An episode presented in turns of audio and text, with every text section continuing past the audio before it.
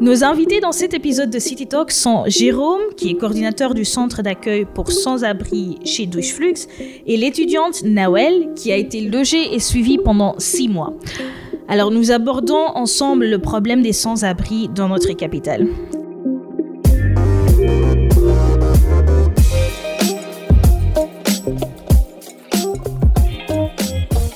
La gravité de la situation actuelle est devenue plus évidente pendant la pandémie.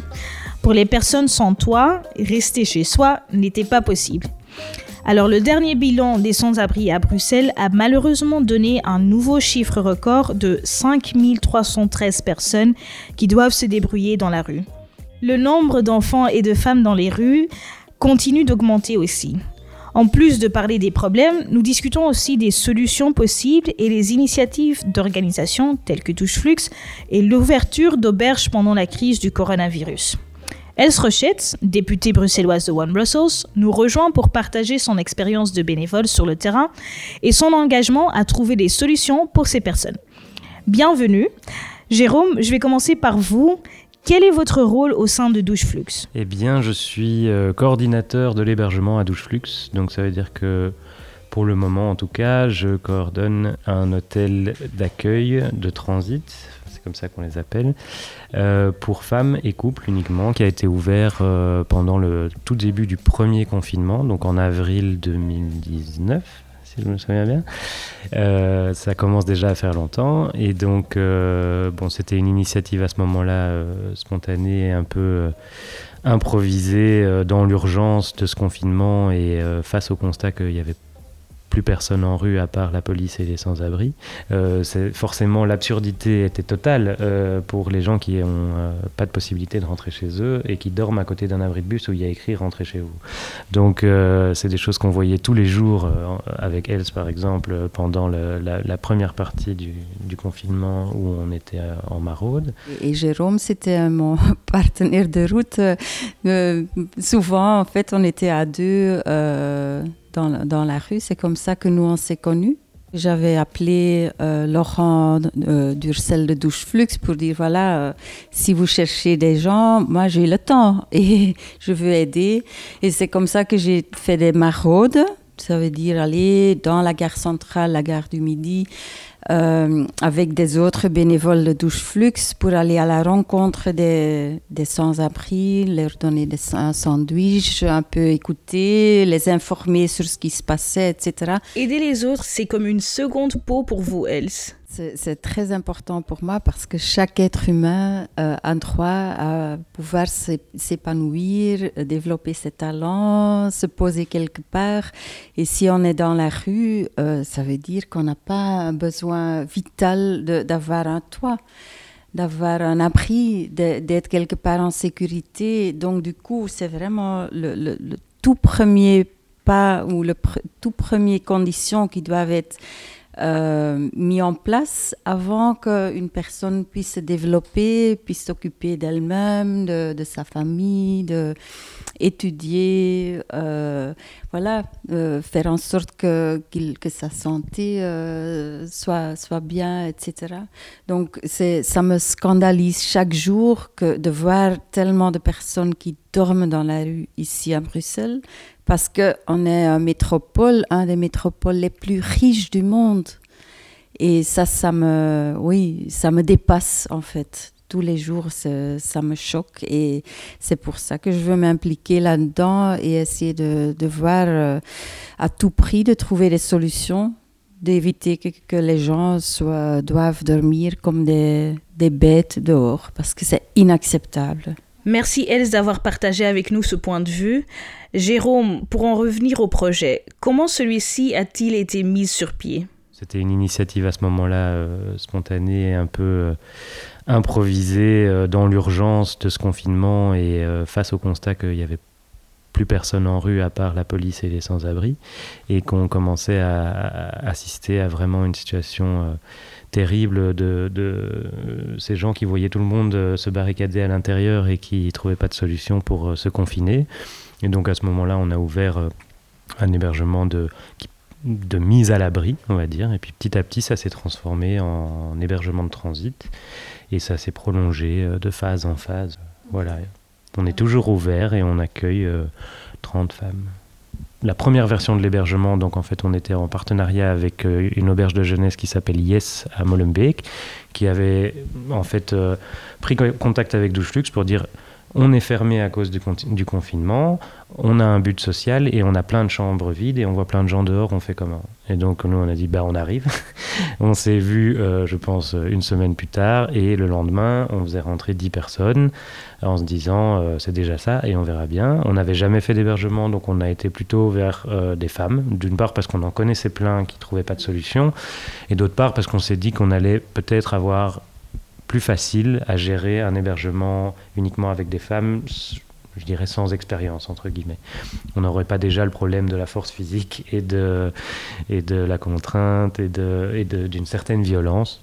Euh, qu'on aurait pu connaître avec un hébergement masculin.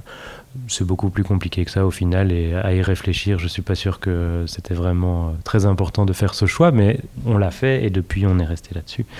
Un hébergement du coup pour femmes et couples parce qu'il y a aussi énormément de femmes qui dorment en rue parce que les hommes ne trouvent pas de place et que comme elles sont en couple, elles préfèrent la rue pour rester avec monsieur. Et donc c'était important d'accepter des couples pour que les femmes puissent rentrer pour être cohérent. Euh, donc on a commencé comme ça et puis on a augmenté un étage et petit à petit, euh, donc on était la première initiative associative. Il y avait les, les, communes, certaines communes avaient déjà ouvert des endroits pour que les gens puissent se confiner. Mais on était la première initiative, euh, je euh, du, monde associatif. Et la COCOM a après emboîté un peu le pas et commencé à se dire bon, euh, c'est bien ce que vous faites, on va vous donner un coup de main. Et donc il y a eu des fonds de crise qui ont été alloués à ces initiatives-là pour qu'elles soient à la fois renforcées et prolongées. Et donc, bah, comme tout le monde, au début, c'était une semaine à la fois, et puis un mois, et puis les prolongations étaient de plus en plus longues parce qu'on voyait bien que ce confinement n'en finissait pas on était dans la même euh, inconnue que tout le reste euh, de la ville au final. Mais donc voilà, et on a augmenté en, nombre euh, et, aussi on a pu constituer une équipe de professionnels. Donc on est passé de 100% bénévoles à 100% professionnels maintenant. Ben merci. Alors, euh, Nawal, tu peux aussi te présenter ben Moi, je suis étudiante à Bruxelles, j'ai 25 ans et j'ai aussi eu des problèmes de sans-abri. Et du coup, j'ai connu euh, Douche Luxe euh, par rapport au CPS de Molenbeek. Et du coup, j'ai pu être hébergée chez eux dans, dans le centre. voilà. Euh, explique un peu comment ça se fait que tu t'es retrouvée là-bas. Bah, en fait, au début, j'avais un appartement et je travaillais dans une structure dont je ne citerai pas le nom parce que j'ai été virée parce que justement, j'arrêtais pas de donner des invendus aux sans-abri. Et en fait, vu qu'au euh, départ, je devais beaucoup m'occuper de ma maman, parce qu'elle avait quatre cancers, qu'elle était euh, sans papier et que du coup, pas de papier, pas de mutuelle. Donc les frais euh, médicaux, ça coûtait hyper cher. Bah, le propriétaire nous a mis dehors parce que je pouvais plus payer le loyer. Et du coup, j'ai vu que ma maman elle avait quatre cancers, comme je l'ai dit, elle, elle a été logée à l'hôpital donc elle pouvait rester là-bas. Moi, je me suis retrouvée à la rue. Donc j'ai un peu été euh, chez mes amis comme je pouvais au début. après, on peut aller chez ses amis, mais on ne peut pas rester euh, éternellement. Du coup, après, j'ai commencé à passer des annonces sur Facebook en disant euh, que j'étais à la, à la rue, que c'était inconcevable pour moi de dormir dehors parce que j'avais envie de, de, rebondir et de trouver des solutions. Du coup, il y a énormément de gens qui m'ont répondu, sauf que les gens qui me répondaient, c'était des hommes des femmes. Euh, je savais pas sur qui j'allais tomber. Du coup, il y a des fois, c'était un peu la catastrophe. Des gens, euh, des hommes qui répondaient juste euh, pour avoir des mauvaises intentions. Donc, je devais à chaque fois trouver des solutions. Au final, j'ai été au CPS de Molenbeek. J'ai eu la chance de tomber sur le responsable qui connaissait Valentine. Valentine, c'est l'AS qui travaille à Douche Luxe. Et il a directement appelé Valentine et lui a demandé si euh, ils avaient de la place pour moi. Et le jour où il a appelé, ben, il y avait une dame euh, qui avait plus donné de nouvelles depuis X temps et qui, qui n'allait probablement pas revenir. Du coup, ils m'ont dit que je pouvais venir directement. J'ai pris mes affaires, j'ai pris le premier transport et j'ai été à, à l'hébergement euh, à Molenbeek. Bon, je ne savais pas dans quoi j'allais m'embarquer, mais je me suis dit c'est mieux, c'est mieux, c'est mieux ça que d'aller, je ne sais pas qui Je sais pas ce qu'ils vont me faire pendant la nuit, donc j'ai été. J'ai vu que j'allais avoir ma chambre, que j'allais avoir ma douche toute seule, qu'on allait avoir euh, des repas le matin, le midi et le soir. Du coup, que j'allais pouvoir manger à ma faim, que j'allais pouvoir remettre mes, mes, papiers en ordre et du coup mettre un peu d'argent de côté. Donc, euh, que demander de plus pour, euh, pour rebondir Donc voilà, je suis restée là un an. J'ai quitté en mai. Et après, j'ai pu trouver un appartement Excel côté ULB. Et voilà. J'ai remis tous mes papiers en ordre et, euh, et, euh, j'ai pu signer un contrat de un an là-bas. Et j'ai juste un truc à dire, c'est je suis très très reconnaissante de, de, cette association parce que sans eux, je ne sais, sais pas ce que j'aurais fait. Donc voilà. Jérôme, tu voulais réagir? Euh, oui, je suis un peu déstabilisé par la fin, mais du coup, je voulais réagir sur un truc du début. Euh, c'est vrai que tu, le mentionnais, c'est quelque chose qui a été en fait possible de par la, configuration du premier lieu qui nous a accueillis, mais c'est devenu tout de suite très évident qu'on devait continuer là-dessus. C'est la possibilité pour les personnes d'avoir une chambre seule. Euh, de, la possibilité de pouvoir fermer la porte derrière elles, d'avoir leur propre clé et leur propre salle de bain et toilette. Euh, on parle évidemment pas de logement, euh, c'est pas du logement, euh, ce n'est pas un hébergement, enfin je veux dire un, logement convenable ou décent, mais ça permet quand même de récupérer une forme d'intimité, d'avoir ses propres secrets, son propre timing et sa porte qu'on peut fermer. et donc on avait cette opportunité de le faire puisque la configuration euh, à l'auberge IS euh, le, permettait et on l'a gardé par après quand on a déménagé dans l'autre lieu qui est un hôtel et pas une auberge. Euh, vu qu'on est dans des petites chambres d'hôtel, au final, c'est de nouveau la même configuration. Donc, c'est pas une douche au fond du couloir, c'est pas des chambres. Euh, voilà. C'est une question qui se pose toujours parce qu'on pourrait mettre plusieurs personnes par chambre. Euh, dans l'auberge de jeunesse, encore plus. Je crois qu'il y avait cinq ou six lits par chambre et on a décidé de mettre une seule personne parce que c'était très important pour nous de permettre aux gens qui sortaient de la rue où ils partagent évidemment l'espace avec tout le monde, de ne plus partager du tout leur espace et de pouvoir se reconstruire une bulle et puis de se reconstruire dans cette bulle après. Mais euh, voilà. Et donc ça, ça reste euh, au cœur de notre démarche, même dans le futur euh, et dans les démarches, enfin dans, dans, dans, le futur du projet, on voudrait garder ça parce que ça change tout. Moi, je trouve que ça change tout. Quand j'ai vu ça, parce que j'ai, sans critiquer, quand j'ai vu le SAMI, euh, le SAMU, pardon, le centre Ariane et tout ça, quand je suis arrivée là, je me suis dit, euh, c'est le Club Med. Donc, euh, donc c'est bien, quoi. On est tout seul, on a notre intimité, on peut se laver quand on veut. Enfin, je trouvais ça hyper chouette. Après, c'est compliqué. Si eux, si eux, ils veulent accueillir plusieurs personnes dans, dans la chambre pour aider encore plus de personnes, c'est tout à leur honneur. Mais après, c'est la cohabitation, ça dépend avec qui t'es, ça dépend si tu peux faire confiance, si tu sais que tu peux laisser tes affaires là-bas. Il faut pas que ce soit des, des, des, gens de sexe opposé non plus, parce que sinon ça va être le bordel. Donc euh, ça dépend. Après, moi, si par exemple j'aurais une fille de mon âge dans ma chambre, euh, moi, moi je, je, pars du principe que je suis dans la rue, donc j'ai pas trop à faire la difficile j'ai pas d'exigence à avoir. Du coup, je, me serais quand même pliée euh, à la règle de il y a quelqu'un avec moi. Mais s'il y a personne avec moi et que j'ai toute tout la liberté que je veux, euh, c'est encore mieux, quoi. Voilà. C'est comme ça qu'on arrivera à parler à un maximum de gens et à, et à, permettre à un maximum de gens de raccrocher un peu euh, les wagons et de, voir, de, de, pouvoir se reposer vraiment et de voir où, ils peuvent aller. Parce que la plupart du temps, une grande majorité des gens, si on laisse de côté le problème euh, euh, des papiers, euh, une grande majorité des gens ont accès à quand même pas mal d'aides qui sont mises en place, mais c'est juste qu'il il y a tellement de barrières pour y accéder et tellement d'organisations à faire et puis tellement de choses à remettre un peu en place à l'intérieur du fonctionnement de, de, la personne en elle-même que c'est inaccessible. Donc il faut du temps et du confort.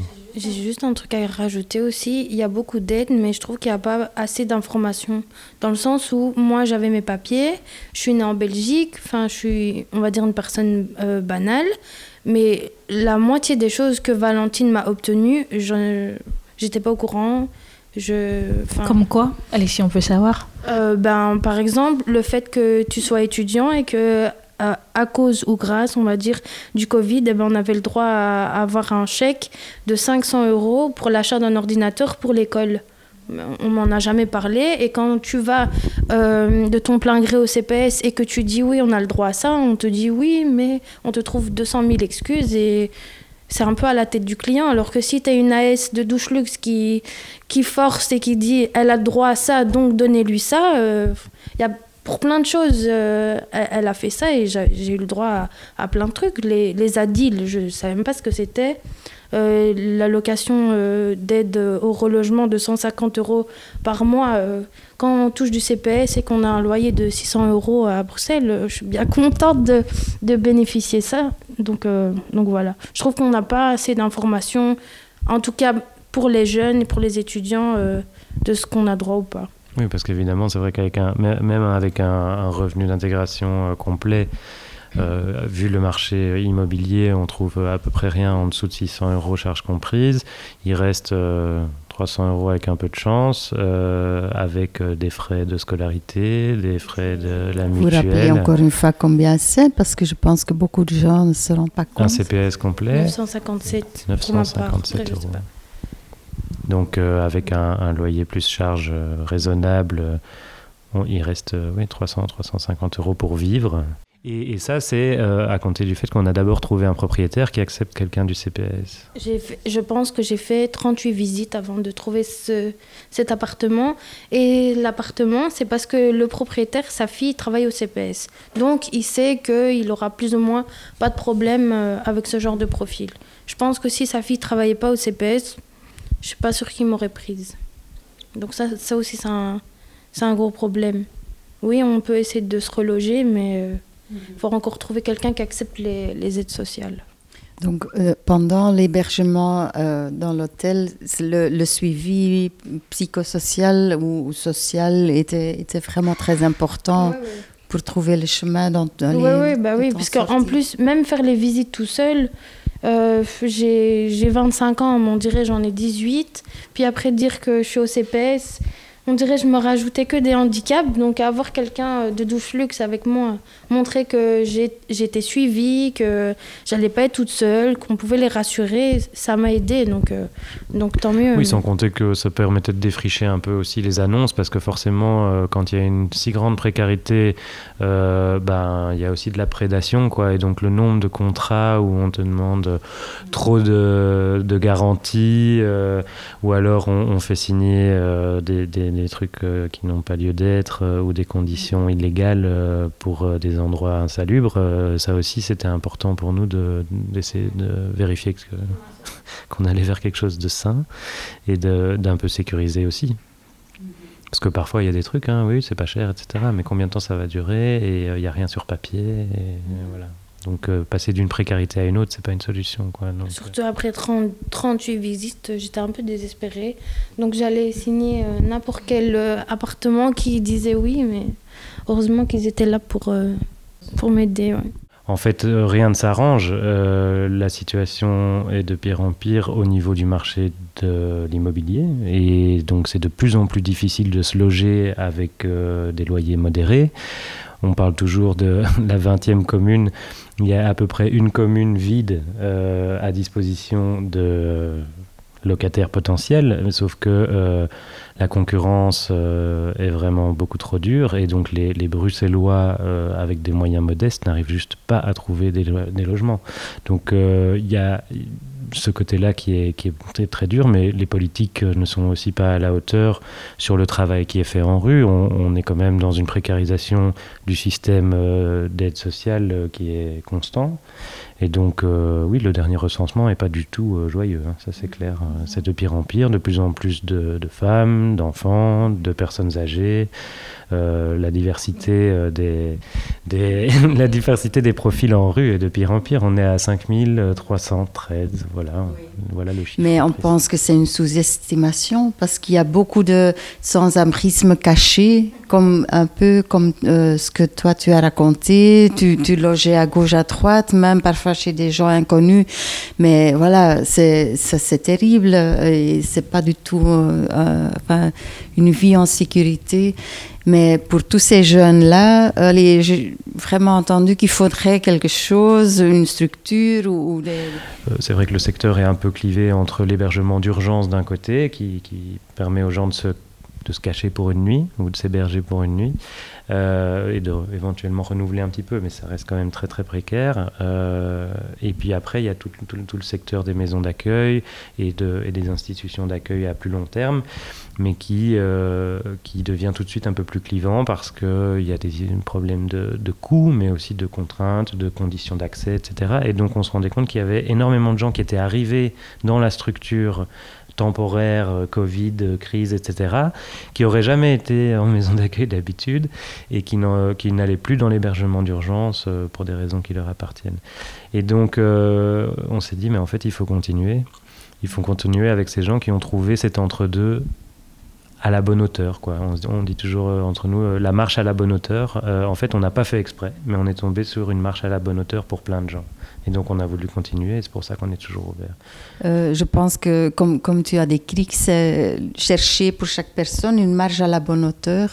Et vous avez vu qu'il y a beaucoup de gens qui sont vraiment euh, aidés avec l'accueil dans l'hôtel où c'est, vous, avez gardé une liberté. C'était très beau, comme tu as dit, euh, Navel. Euh, ta douche, ta, ton intimité, intimité, tu peux de nouveau te reposer. Euh, et de là, trouver la force de commencer ta démarche avec des personnes, des assistants sociaux qui sont, qui sont là avec, avec toi. Donc, tu l'avais vraiment très bien décrit. Euh, maintenant aussi, moi je, je pense, et, on a vu même euh, aux États-Unis, ça s'est fait après, après Corona, il y a eu beaucoup d'hôtels qui ont été achetés pour justement héberger des, des sans-abri.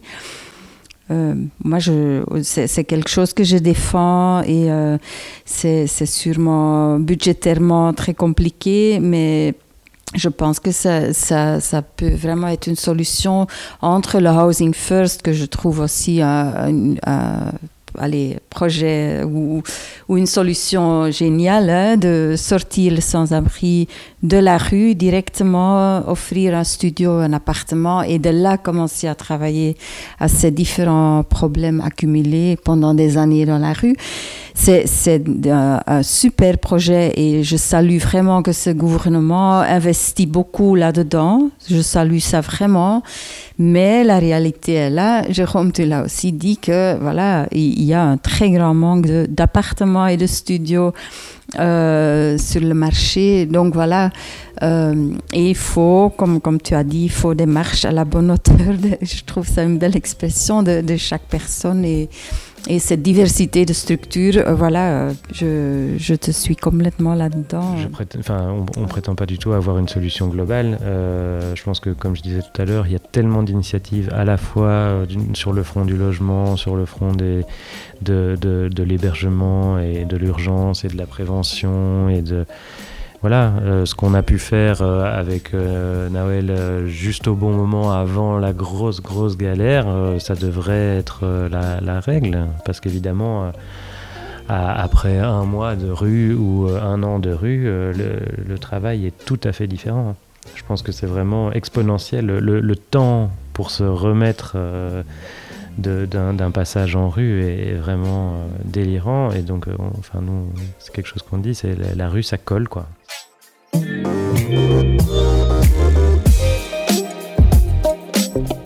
Merci de nous avoir écoutés.